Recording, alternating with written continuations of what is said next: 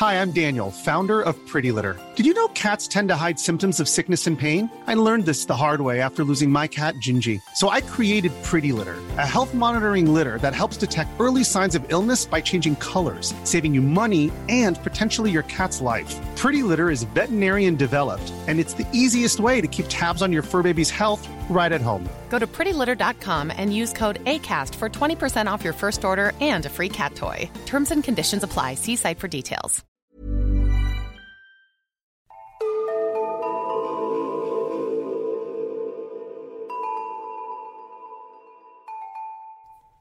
Hej och välkomna till Nära ögat, en true crime-podd för mesar.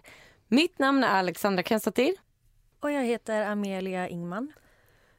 Tusen tack för att ni lyssnar på oss varje vecka. Och vi vill ju börja med att be om ursäkt för förra veckans ljudkvalitet. Ja, jag vet inte riktigt vad som hände förra veckan men någonting gick snett med förra inspelningen. Men jag tror vi har uh, hittat problemet. Ja, jag tror att vi lyckades rädda det helt okej okay i redigeringen. Eh, vi har inte fått jättemycket feedback på att det skulle varit dåligt. Eh, men ni skulle ha hört vårt första utkast. Ja. Det lät inte riktigt bra. Nej, alltså du räddade verkligen upp det så att eh, ja, tack för det. Ja, men den här veckan hoppas vi och eh, håller tummarna och tror att det kommer bli mycket bättre. Ja, det hoppas vi. Vad säger du, ska vi bara hoppa in direkt med nästa fall? Ja, inget eh, onödigt försnack nu utan kör. Och idag tänkte jag berätta om den sjuka historien om Susanna Callahan. Och detta fall var ett tips från Nadine, så tusen tack. Mina källor idag är främst en bok som är skriven av Susanna själv. Mm, men jag vill inte riktigt avslöja titeln än, utan jag tar den i slutet. Och även en film med samma titel. Eh, mina övriga källor är artiklar från New York Times och The Guardian och också en intervju från Malou efter tio med Susanna själv. 2009 var Susanna 24 år gammal. Hon hade en lägenhet på Manhattan. Hon var journalist på The New York Post och levde kanske lite av ett drömliv för oss Sex and the City-fans. Hennes eh, lägenhet var en liten studiolägenhet som var pytteliten och hon sov på en bäddsoffa. Susanne hade vuxit upp utanför New York med sin mamma, sin pappa och sin bror. Men när Susanna var 16 år gammal så skilde sig hennes föräldrar. Och hennes pappa gifte om sig med en kvinna som heter Giselle och hennes mamma gifte om sig med en man som heter Allen. hon hade fått jobbet på The Post som The New York Post kallades för internt redan 2008. Och det hade hon då fått via att hennes mentor Paul hade hjälpt henne att skaffa ett jobb som runner. Och att vara runner innebär att man hjälper andra journalister med research, med så frågor på stan etc. Susanna älskade att bo i New York och att vara journalist. Och hon har berättat att ibland så kunde reportagen ibland kännas sjukare än fiktion. Exempelvis en gång så fick hon gå undercover som en strippa för att skriva en artikel om en kvinna som gjorde rumpförstoringar på svarta marknaden och tog tusen dollar per skinka. Det i sig är ju ett fall värt att ta upp. I podden ja. ja. ja. Men Susanna älskade sitt liv och hon hade nyligen blivit tillsammans med Steven. Bara ungefär fyra månader tidigare. Och Steven och Susanna hade faktiskt jobbat tillsammans sex år tidigare. Och de hade jobbat tillsammans i en skivbutik. Men på den här tiden fanns det inget romantiskt intresse och Steven var några år äldre och Susanna var bara en tonåring. Men när de träffades igen på en kompisfest i East Village så hade de klickat. Steven var musiker och Susanna beskriver Steven som lång och smal och han hade långt ovårdat hår. Steven kunde allt om musik. Men han hade också världens finaste och mest pålitliga blick. När man såg hans ögon förstod man att man kunde lita på honom. Så mitt i det här drömlivet så vaknar Susanna en dag med två prickar på armen. Och hon förstod direkt att hon har fått vägglöss. Och Susanna som egentligen var en ganska chill person och som inte riktigt hakade upp sig på grejer blev väldigt, väldigt fäst mentalt vid att hon hade vägglöss. Hon kunde liksom inte sluta tänka på de här vägglössen. Och hon såg dem om nätterna krypa på henne och sådär. Och hon, hon blev liksom lite chockad över sig själv, över att hon så här brydde sig så mycket om de här vägglössen. Men hon ringde i alla fall Anticimex som kom dit. Och den här mannen letade då runt i lägenheten och kunde inte hitta något som tydde på att hon hade vägglöss. Men Susanna var övertygad. Och hon bad och bad och bad och till slut gick mannen med på att han skulle komma tillbaka och liksom behandla den här lägenheten mot vägglöss. Så på hennes jobb, The New York Post, så hade de varje vecka pitchmöten där alla journalister pitchade in olika idéer för veckans söndagsupplaga av tidningen. En dag då, 2009, så kom Steve, Susannas chef. Steve var, han var väldigt vänlig och han var lite av en mentor för Susanne. Men han var också ganska skrämmande. Han var auktoritär. Och han kom förbi hennes skrivbordsbås och påminde om det här veckomötet som de skulle ha. För första gången någonsin så insåg Susanna att hon helt hade glömt bort mötet. Och hon brukade alltid ha förberett en massa olika pitcher men den här gången så hade hon inte en enda. Och när hon gick in på mötet så var hon helt oförberedd och fick också kritik för att ha varit det. Och då kände hon sig riktigt dålig på sitt jobb. Och när Susanna kom hem den kvällen så försökte hon liksom koppla bort allt som hade hänt på jobbet. Så hon började liksom plocka ihop allting, försöka liksom få i ordning för att Anticimex skulle komma dit. Och de här vägglössen var ju det enda som hon hade kunnat tänka på de sista veckorna. Så att medan hon höll på att plocka ihop massa skräp och la i stora svarta plastpåsar så fick hon ett migränanfall. Hon hade aldrig någonsin fått det tidigare. Men det slutade med att hon föll ihop i lägenheten. Men hon tänkte att hon kanske var på väg att få någon slags influensa. Vilket gjorde att hennes kropp var mer mottaglig och svag. Några dagar senare så var hon hos sin pojkvän Steven. Inte att förväxlas med hennes högsta chef Steve som jag precis pratade om. Steven var i alla fall tvungen att dra och repa med sitt band och Susanna var kvar ensam i hans lägenhet. Och Susanna hade alltid sett sig själv som en ganska trygg person och var väldigt trygg i sina relationer. Men det var någonting som gnagde inom henne den här morgonen. Och hon blev som helt besatt. Susanna loggade in på Stevens dator och började kolla hans mejl. hon bläddrade alltså månader och månader tillbaka i hans inkorg. Vadå, letade hon efter något speciellt eller? Hon kände sig svartsjuk den här morgonen när hon vaknade. Hon kunde liksom inte riktigt förklara det heller. Utan hon bara så kände att jag måste hitta något. Men hon hade ingen anledning att tro att han hade gjort något utan det var bara en konstig Nej. magkänsla. Men hon bläddrade i alla fall månader och månader tillbaka i hans inkorg och hittade till slut ett e-mail från hans exflickvän med rubriken “Tycker om det här” och så var det en lättklädd bild på henne. Och Susanna kunde inte sluta läsa. Hon gick igenom hela deras e-mailkonversation. Och Susanna visste att Steven och exflickvännen inte hade haft någon kontakt sen han blev tillsammans med Susanna. Men hon kunde ändå inte sluta leta efter tecken på otrohet eller liknande i hans lägenhet. Och när hon väl gick runt och rotade bland hans grejer så tänk om han övervakar lägenheten. Och samtidigt som hon tänker alla de här tankarna så kan hon inte förstå själv varför hon är så paranoid. Efter hela den här perioden så får hon ett jättesvårt migränanfall igen.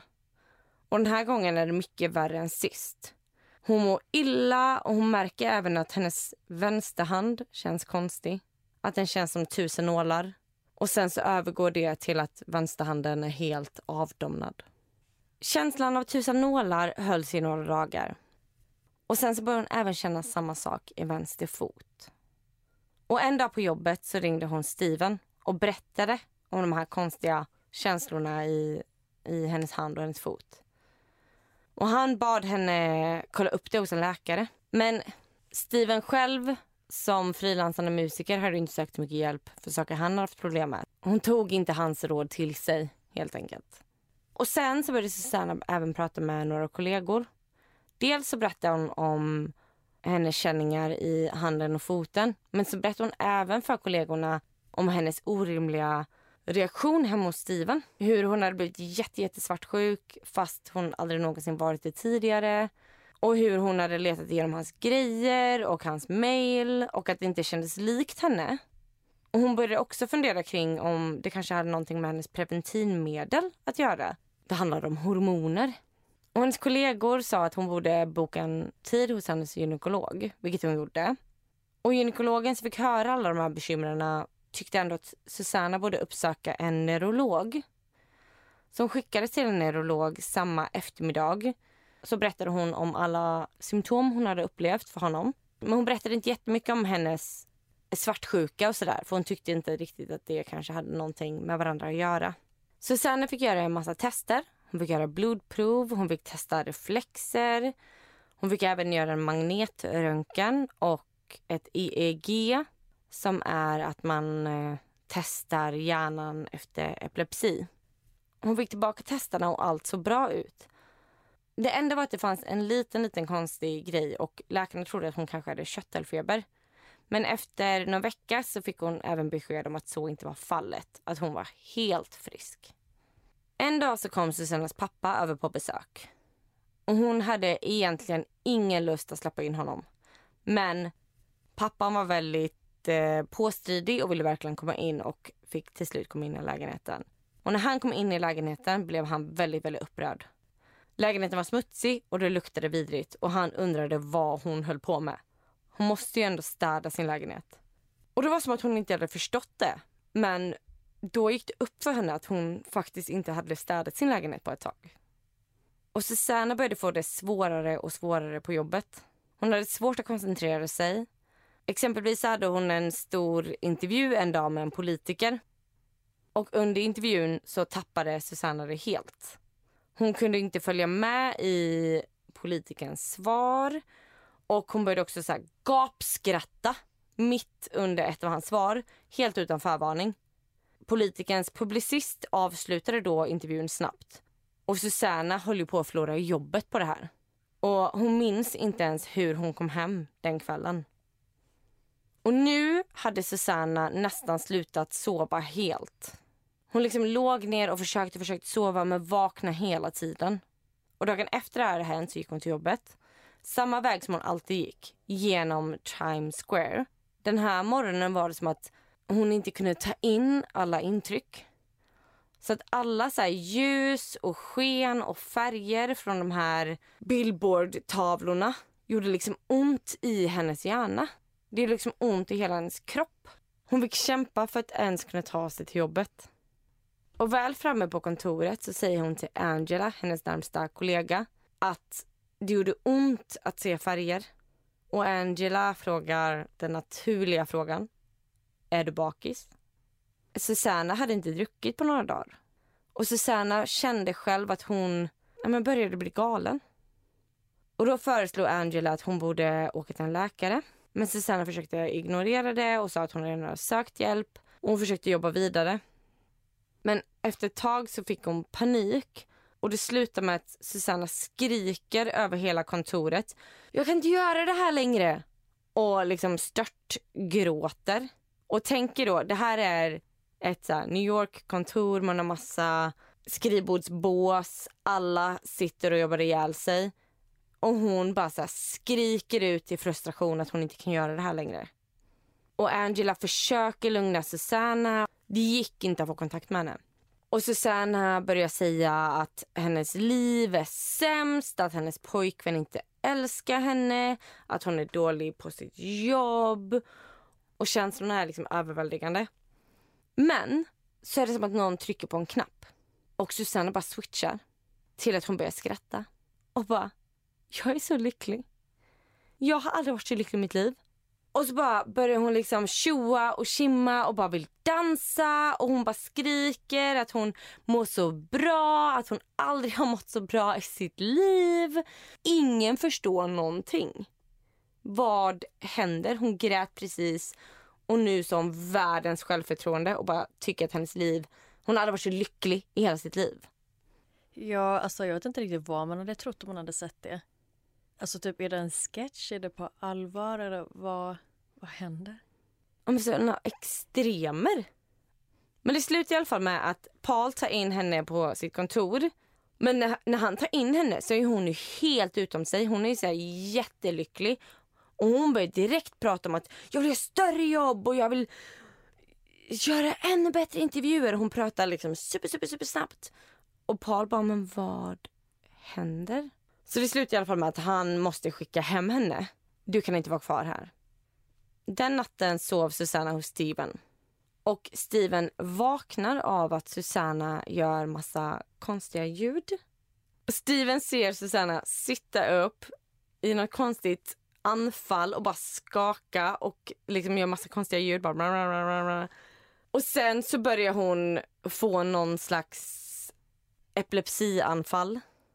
Så det slutar med att Steven tar in Susanna till sjukhuset men ingen kan förklara vad det är som har hänt. Och efter detta eskalerar allt kraftigt. Susanna tvingas nu flyttas hem till sin mamma och Alan mot sin vilja. Och Susanna börjar bli mer och mer manisk. Och hon googlar jättemycket om sina symptom och hon är helt övertygad om att hon är bipolär. Men läkarna håller inte med henne. De ger henne olika slags mediciner som hon måste ta. Men Susanna vägrar ta medicinerna. För att hon är helt säker på att det är medicinerna som gör henne galen. Hon läser på bipacksedeln och ser att man kan ha humörsvängningar och det var ju verkligen det hon hade. Så att hon tror ju att läkarna försöker förgifta henne med de här medicinerna. Så hon springer typ och gråter till sin mamma och bara det är läkarna som försöker förgifta mig. Jag kan inte ta medicinerna. Och hennes mamma bara men snälla du har haft dem i 24 timmar. Det är inte de som gör dig galen. Efter hon bott hos sin mamma i några veckor känner sig mamman ganska utmattad. Och de bestämmer att Susanna ska bo hos sin pappa ett tag. Och väl hemma hos pappan så hör Susanna pappans fru Giselle säga till henne att du är en bortskämd skitunge. Men Giselle rör aldrig sina läppar utan Susanna hör henne säga det i hennes tankar. Och Susanna tappar det helt och börjar skrika på Giselle och de börjar bråka.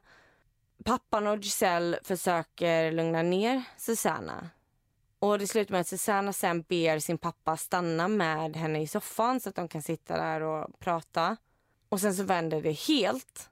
Och så börjar hon skrika på att pappan måste lämna henne i fred och da, da, da. Och sen så börjar hon gråta igen och skriker att pappan måste komma tillbaka och vara hos henne. Så att allting är liksom... Det är såna extrema humörsvängningar hela tiden. Och när Susanna sen ska sova den kvällen så hör hon hur någonting dunkar till. Och sen hör hon hur Giselle, pappans fru, skriker för sitt liv. Att hon inte vill bli skadad, att hon behöver hjälp. Och Susanna förstår då att det är pappan som misshandlar Giselle. Och Susanna är livrädd. Och hon springer till badrummet, hon låser dörren bakom sig och hon funderar till och med på att hoppa ut genom fönstret. Men i sista sekund så knackar det på dörren och då är det Giselle som ropar och frågar om Susanna mår bra. Och då förstår hon att Giselle inte har dött. Susannas föräldrar söker ju hjälp hos läkare och de undrar vad det är för fel på deras dotter. Och läkarna börjar så misstänka att det är stress och alkohol. Men föräldrarna har haft Susanna boende hemma hos sig själva. Så de vet ju att Susanna inte har druckit på flera veckor. Och det slutar i alla fall med att Susanna läggs in på sjukhus. Och hon beter sig helt psykotiskt. Hon tror att alla är efter henne. Att alla försöker lura henne. Att alla pratar om henne. Och det finns videoinspelningar från sjukhuset som vi kommer lägga upp på vår Instagram. där man kan se henne ligga i sin sjukhussäng. Och så tar hon upp olika fjärrkontroller som hon tror är telefoner. Och så pratar hon i dem. Och så ser man att hon är helt panikslagen och tittar liksom mot en tv. Och så börjar hon prata med en sjuksköterska och säga att de pratar om Susanna på tvn. För att hon har haft vanföreställningar om att pappan har mördat Giselle och att media försöker intervjua Susanna om detta. Så hon är liksom helt säker på att alla på tvn pratar om henne och hon ligger där i fullständig panik. Och detta leder ju såklart till att läkarna tror att detta är någon slags psykisk sjukdom. Vissa hade en teori om att hon led av schizoaffektivt syndrom. Kan förklaras som en blandning mellan schizofreni och bipolaritet. Och exempelvis vid flera tillfällen så försökte Susanna rymma från sjukhuset.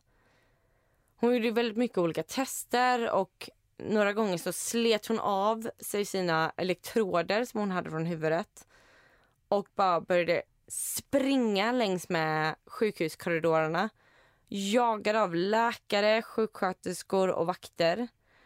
Och Hon trodde ju att hon kunde höra deras tankar. Föräldrarna och pojkvännen Steven var säkra på att det inte handlade om en psykisk sjukdom. För hon hade inte haft någon som helst historia med psykiska sjukdomar tidigare. Plus att hon hade fått massa fysiska anfall. Och de menade att det fanns massa fysiska symptom som inte förklarades av de här olika teorierna om att hon skulle ha en psykisk sjukdom. Men många läkare insisterade på att hon borde läggas in på en psykiatrisk klinik och att de på sjukhuset inte kunde hjälpa henne.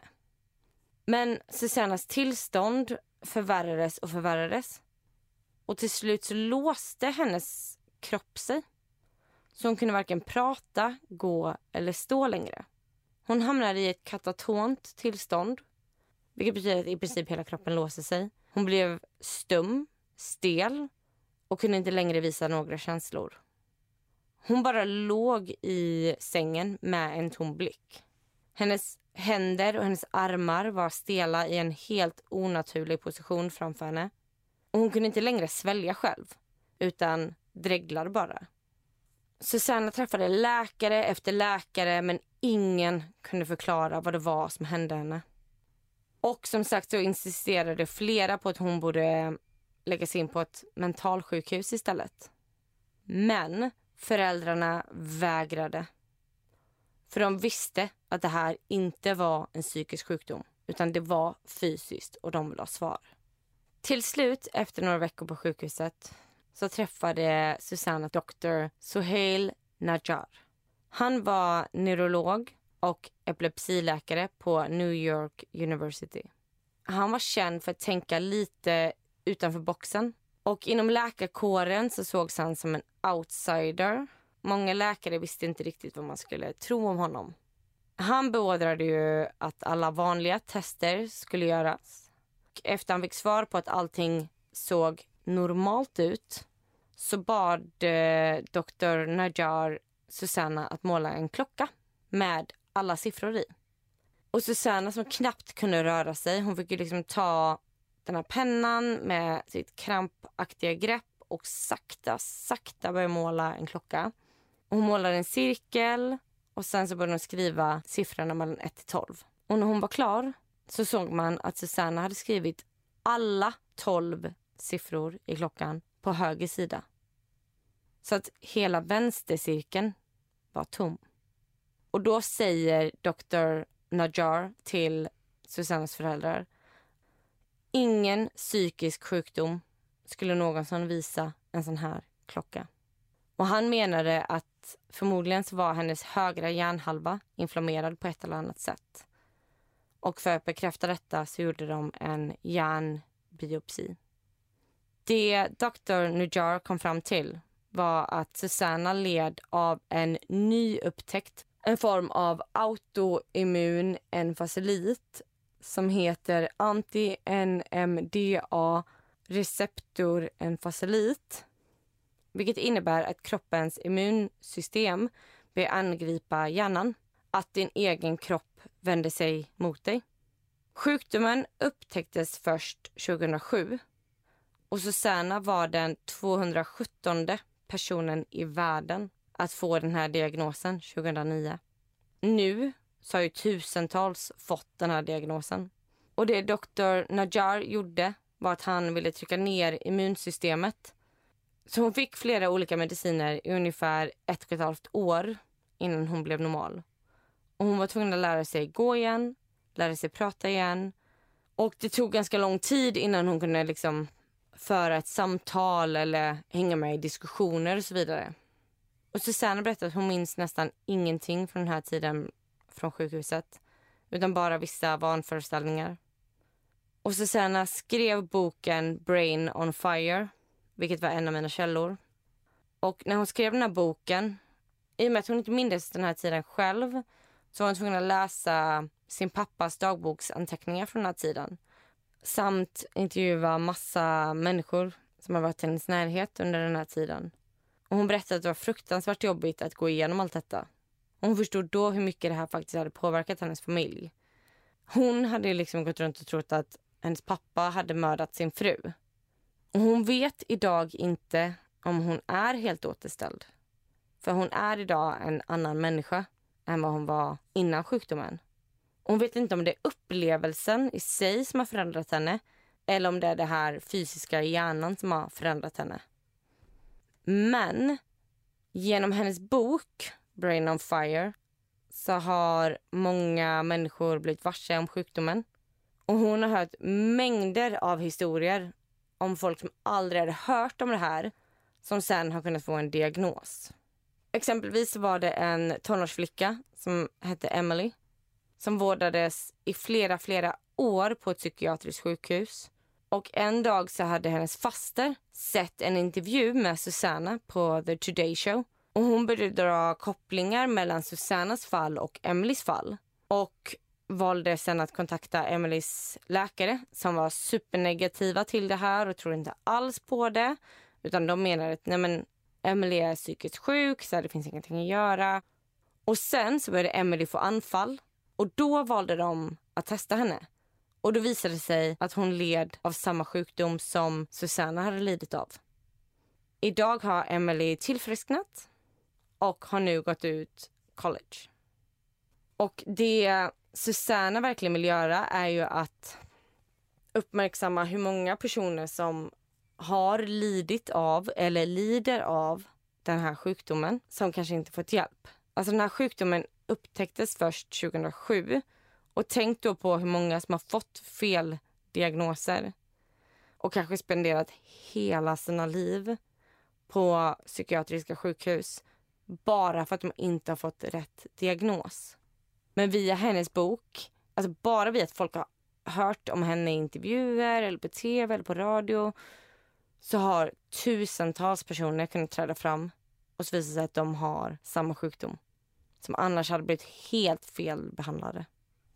Gud vad viktigt det är ändå att sprida kunskap och prata om men egentligen alla typer av eh, sjukdomar. Mm. För som du säger, kunskapen krävs ju för att man ska kunna diagnostisera. Men vet man varför man får det? Nej, alltså läkare vet än idag inte varför kroppen vänder sig mot sig själv eh, i de här autoimmuna sjukdomarna. Idag är Susanna och Dr. Najjar vänner. Dr. Najjar har två döttrar och brukar skämta och säga att Susanna är hans tredje dotter. Och hon vet ju att han räddade hennes liv. Susannas mamma brukar kalla Dr. Najjar för Dr. House efter tv-serien Dr. House. Men idag har Dr. Najjar äntligen fått den status han förtjänar med sitt progressiva och kreativa sätt att tänka kring att sätta diagnoser. För innan detta var han som sagt lite av en enstöring och andra läkare tvivlade mycket på om hans sätt var korrekt inom citationstecken. Susanna frilansar idag på The New York Post som bokrecensent men spenderar mesta delen av sin tid med att prata om den här sjukdomen. Speciellt för att utbilda läkare och psykologer så att fler ska få rätt diagnoser. Hon och Steven är fortfarande tillsammans trots att de bara varit tillsammans fyra månader när allt det här bubblade upp. Och de är idag gifta och har fått tvillingar. Och Susannas bok heter Brain on Fire och finns på Storytel. Och det finns även en eh, film baserad på boken som heter Brain on Fire som finns på Netflix. Och vi är inte sponsrade av Storytel eller Netflix, men vill gärna bli. Så skicka ett mejl till oss. Och det var allt om Susanna Callahan. Wow, vad spännande fall. Ja, man har ingen aning om vad, vad det skulle landa i. Men så spännande och så viktigt att prata om. Det känns ändå viktigt att typ ta upp såna här fall för bara att belysa den här diagnosen.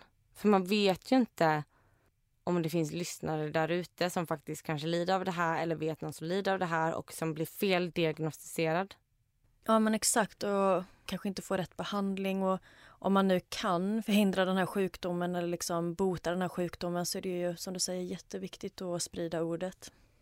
Verkligen. Men exempelvis här, jag själv har ju haft vissa neurologiska problem i och med att jag har tappat liksom kontroll över min vänsterhand och min vänster fot och vänsterdelen av kroppen. Och har ju själv genomgått alla de här testerna som hon gick igenom med Röntgen och EEG, alltså flera gånger. Det här fallet var väldigt så här, drabbande för mig. För att jag själv, alltså när man kollar på filmen och man läste boken så, så här, jag själv har ju liksom gjort alla de här testerna och kände verkligen så här, men gud, kan det vara det här jag lider av? Men det tror jag, det tror jag faktiskt inte att det är. Det läkarna tror är att jag har ett blodkärl som ligger lite fel på höger sidan av min hjärna. Så att det blodkärlet retar upp vissa rörelsemönster av vänster sidan av min kropp. Så att det är som att jag har lokal epilepsi, tror de. Och hur ofta upplever du detta då? Jätteolika. Exempelvis nu när jag var sjuk i covid hade jag det flera, flera gånger om dagen. Då kan jag liksom inte greppa någonting med min vänstra hand. Och andra tider kan det vara att jag är stressad eller att det varit liksom en jobbig period i mitt liv. Så att vänster sidan av kroppen kan jag liksom tappa kontrollen över. Ja, läskigt ändå. Och frustrerande med att inte ha något, någon tydlig diagnos eller något tydligt besked på vad det faktiskt är som händer. För jag menar, det var bara spekulationer än så länge från läkarna va? Ja, alltså det är en teori de har. Um, men om det är någon annan som känner igen sig eller kanske hört om något liknande så skulle jag verkligen uppskatta om ni skickar till mig. För jag vet ju som sagt inte 100% vad det är. Nej.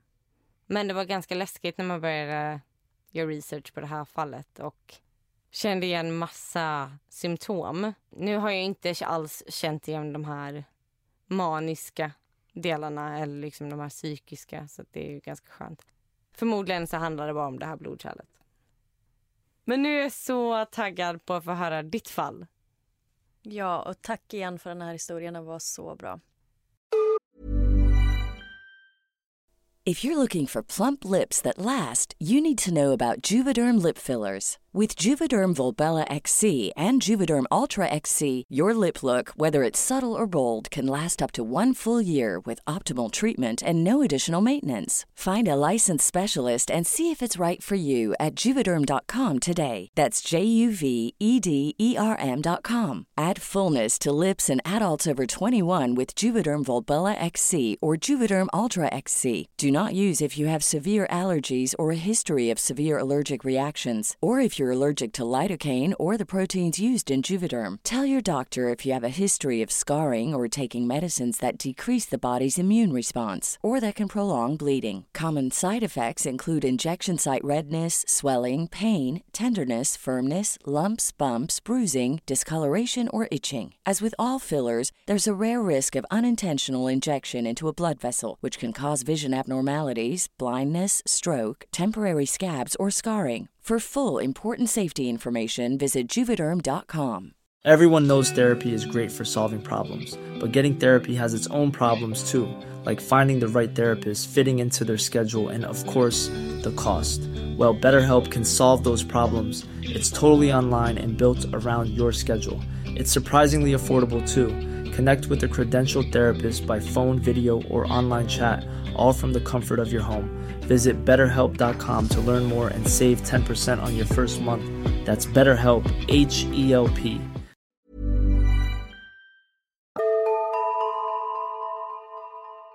Idag så ska jag berätta om Brandon Souls. Och det här fallet hände ganska nyligen och jag hittade på min For You-page på TikTok. TikTok är ju ändå en väldigt bra källa. Verkligen. Och utöver det så är mina källor ABC 11, Eyewitness News, New York Times, NBC och Inside Edition. Och jag tror att detta blir en lite kortare historia än vanligt. För jag kunde inte hitta så där jättemycket information om fallet. Men jag tycker ändå att det är värt att ta upp. Och detta hände i februari i år. Så vem vet, det kanske kommer komma ut mer information längre fram. Men vi kör med det jag har så länge. Spännande. Jag ska som sagt berätta om Brandon Souls. Han är 19 år gammal och bor i Coolidge, Arizona. Det här är en ganska liten stad med runt 13 000 invånare och den ligger cirka 8-9 kilometer från Phoenix. Brandon är en vanlig kille. Han är social, han gillar bilar och att hajka. Han och hans flickvän Cheyenne har en liten son tillsammans som heter Lucas. Och jag vet inte riktigt hur gammal, men han eh, kanske är runt två, tre år. Brandon har haft olika jobb inom restaurang och bygg, men han arbetar nu på en bilverkstad. Den 10 februari 2021 så händer något som vänder upp och ner på Brandons liv. Vid sjutiden på morgonen, innan han hunnit åka till jobbet, så bryter sig två maskerade män in i hans hem. Och allt går väldigt fort. De båda männen flyger på Brandon och han blir slagen i huvudet så att han blir medvetslös. När han vaknar upp igen så har de lagt honom i deras bil och de kör runt i stan. Kidnapparna berättar att de vet om att Brandons pappa har gömt en stor summa pengar någonstans i stan eller ute i öknen och de vill att han ska leda dem till pengarna. Men vänta, det här var alltså i februari 2021? Ja, så väldigt nyligen. Det här måste ju vara vårt mest aktuella fall vi tagit upp. Ja, jag tror det. Kul. Brandon säger till kidnapparna att han kan inte hjälpa dem för han känner inte till några gömda pengar. Och efter att ha kört runt hela dagen så väljer de till slut att dumpa Brandon vid ett järnvägsspår en bit utanför stan. De kastar ut honom på marken och där blir han liggandes. Brandon är ensam och hjälplös och de har bundit ihop hans handleder med hans eget skärp och så har de tryckt in en bandana eller en sjal i hans mun. Efter ett tag så upptäcks Brandon av en förbipasserande. Den här personen ringer direkt till 911 och berättar att han har hittat en bunden man vid sidan av vägen och att han verkar sväva in och ut ur medvetandet. Och klockan är nu halv sex på kvällen. Räddningspersonal larmas och de rycker ut och polisen kommer snabbt till platsen. Och de hittar en man som de senare lyckas identifiera som Brandon Souls. Han är tilltufsad och smutsig och han var som sagt bunden med ett skärp. Och polisen de har själva släppt eh, bilder från brottsplatsen där man kan se Brandon ligga på sidan på marken. Och jag kommer lägga upp den här bilden på både Instagram och Facebook för er som vill se. Så klicka in där nu och kika. Brandon berättar för polisen att han kommit hem från ett ärende tidigare samma morgon och att han då blev överfallen av de här två maskerade männen att de attackerade och kidnappade honom och att de skulle ha slagit honom med något hårt i bakhuvudet så att han tuppade av. Han fortsätter berätta att de har hållit honom i deras bil tills han blev dumpad här. Brandon förs till sjukhus där han blir undersökt och polisen kommer även dit för att fortsätta intervjua honom. Och polisen frågar varför han tror att han blivit kidnappad och Brandon berättar att det handlade om en lösen summa och att de letade efter hans pappas gömda pengar och att de har kört runt i öknen och stan men inte lyckats hitta dem. Polisen inleder en omfattande utredning gällande kidnappningen och de jobbar hårt för att hitta de båda gärningsmännen. De granskar bland annat material från övervakningskameror dels utanför Brandons hem men också från stan. De intervjuar personer i Brandons närhet som har kommit på tal under intervjun Och utredarna går även igenom Brandons telefon. Och då märker man att vissa av hans meddelanden och hans samtalslista stämmer inte riktigt överens med vad han har uppgett i förhör. Efter undersökningen gjorts på sjukhus så kunde man konstatera att Brandon inte hade några skallskador. Polisutredningen pågick i en vecka och polisen lyckades inte identifiera de båda gärningsmännen utan istället så började man rikta misstankar åt ett annat håll. Och den stora bristen på bevis väckte många frågetecken bland utredarna och de bestämmer sig för att gå igenom allt med Brandon ännu en gång. Så den 17 februari, en vecka efter kidnappningen, så tar utredarna in Brandon på förhör. De visar honom all information som de har samlat in. Till exempel att inga övervakningskameror fångat varken honom eller kidnapparna under den påstådda attacken. Att de inte hade hittat de här smsen och samtalen som Brandon menade skulle finnas i telefonen. Och de berättar även att det är flera detaljer i hans historia som inte stämmer. Så utredarna konfronterar Brandon med att säga att de tror att han har hittat på allt och att det inte förekommit varken någon attack eller kidnappning. När han får höra det här så erkänner Brandon för polisen att han har iscensatt allt. What? Och han berättar att det var ingen som hade brutit sig in i hans hem och kidnappat honom. Ingen hade överfallit honom, utan det är han själv som har hittat på allt. Och han hade även skadat sig själv för att få attacken att se äkta ut och själv stoppat in bandanan i sin mun och tagit av sitt eget skärp och försökt knyta det runt sina handleder. Och han hade sen lagt sig på den här platsen där någon enkelt skulle kunna hitta honom. Och han erkänner också att han bara hittat på det här med att det skulle finnas en skatt gömd i Coolidge. Men varför? Och exakt den frågan ställer också polisen. Varför hittade han på allt det här? Och Brandon säger att han gjorde det för att han inte ville gå till jobbet. Vänta, va? Ja. Han vill inte gå till jobbet? Nej, det är anledningen till varför han iscensatte sin egen kidnappning. Vad jobbar han med? På en bilverkstad. Men vänta lite nu. Vänta lite. Han, han vill inte gå till sitt jobb på en bilverkstad så han iscensätter sin egen kidnappning. Korrekt. Men alltså hur tråkigt är hans jobb? Jag vet inte, han verkar bara hata det. Han borde bli manusskrivare. Visst. Efter förhöret och Brandons erkännande så grips han för att ha rapporterat falsk information. Och under häktningen så erkänner sig Brandon skyldig till anklagelserna.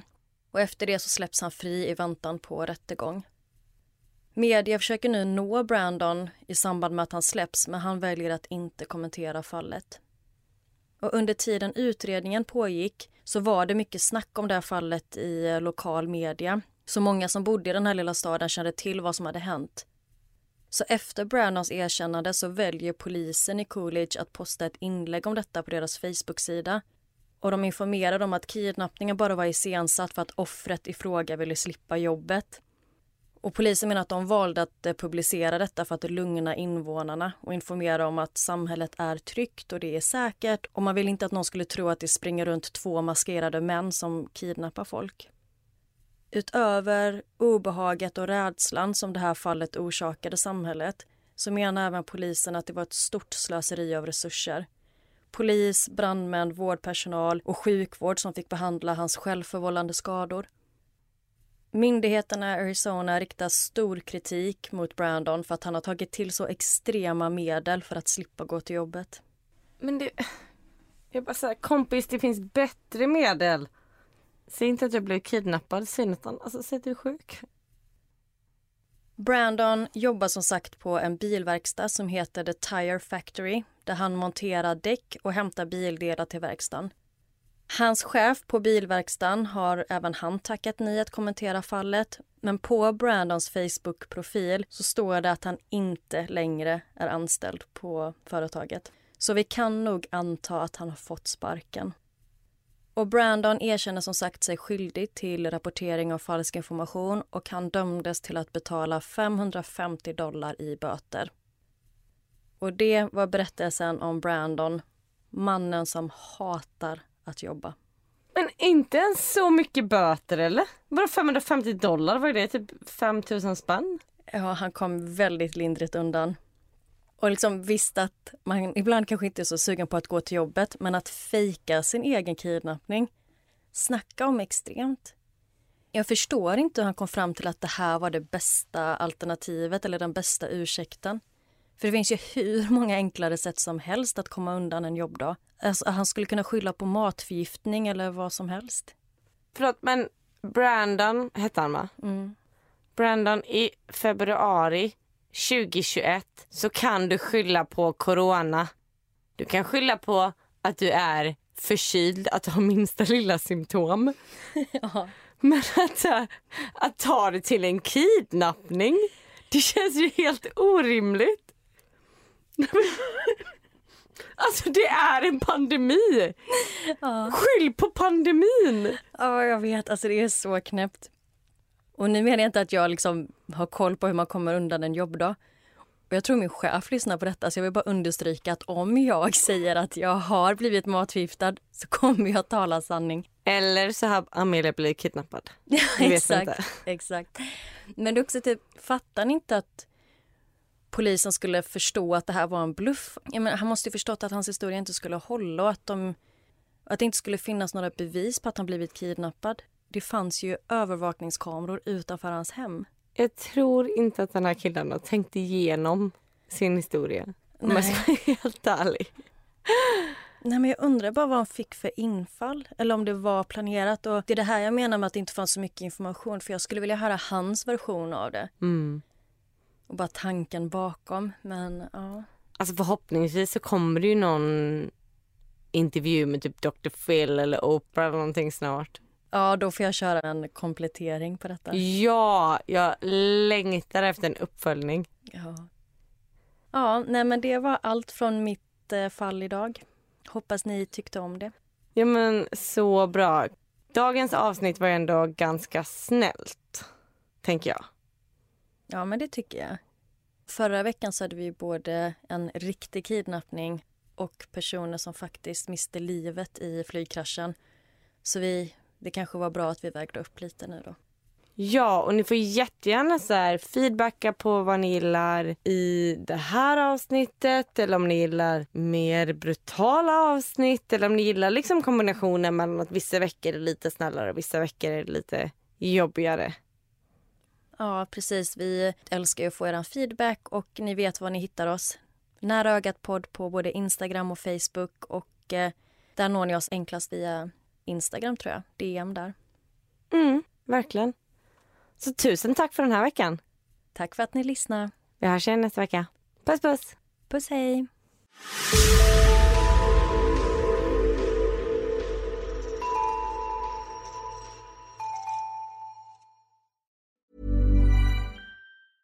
Even when we're on a budget, we still deserve nice things. Quince is a place to scoop up stunning high-end goods for 50 to 80% less than similar brands. They have buttery soft cashmere sweaters starting at $50, luxurious Italian leather bags, and so much more. Plus, Quince only works with factories that use safe, ethical, and responsible manufacturing. Get the high-end goods you'll love without the high price tag with Quince. Go to quince.com slash style for free shipping and 365-day returns.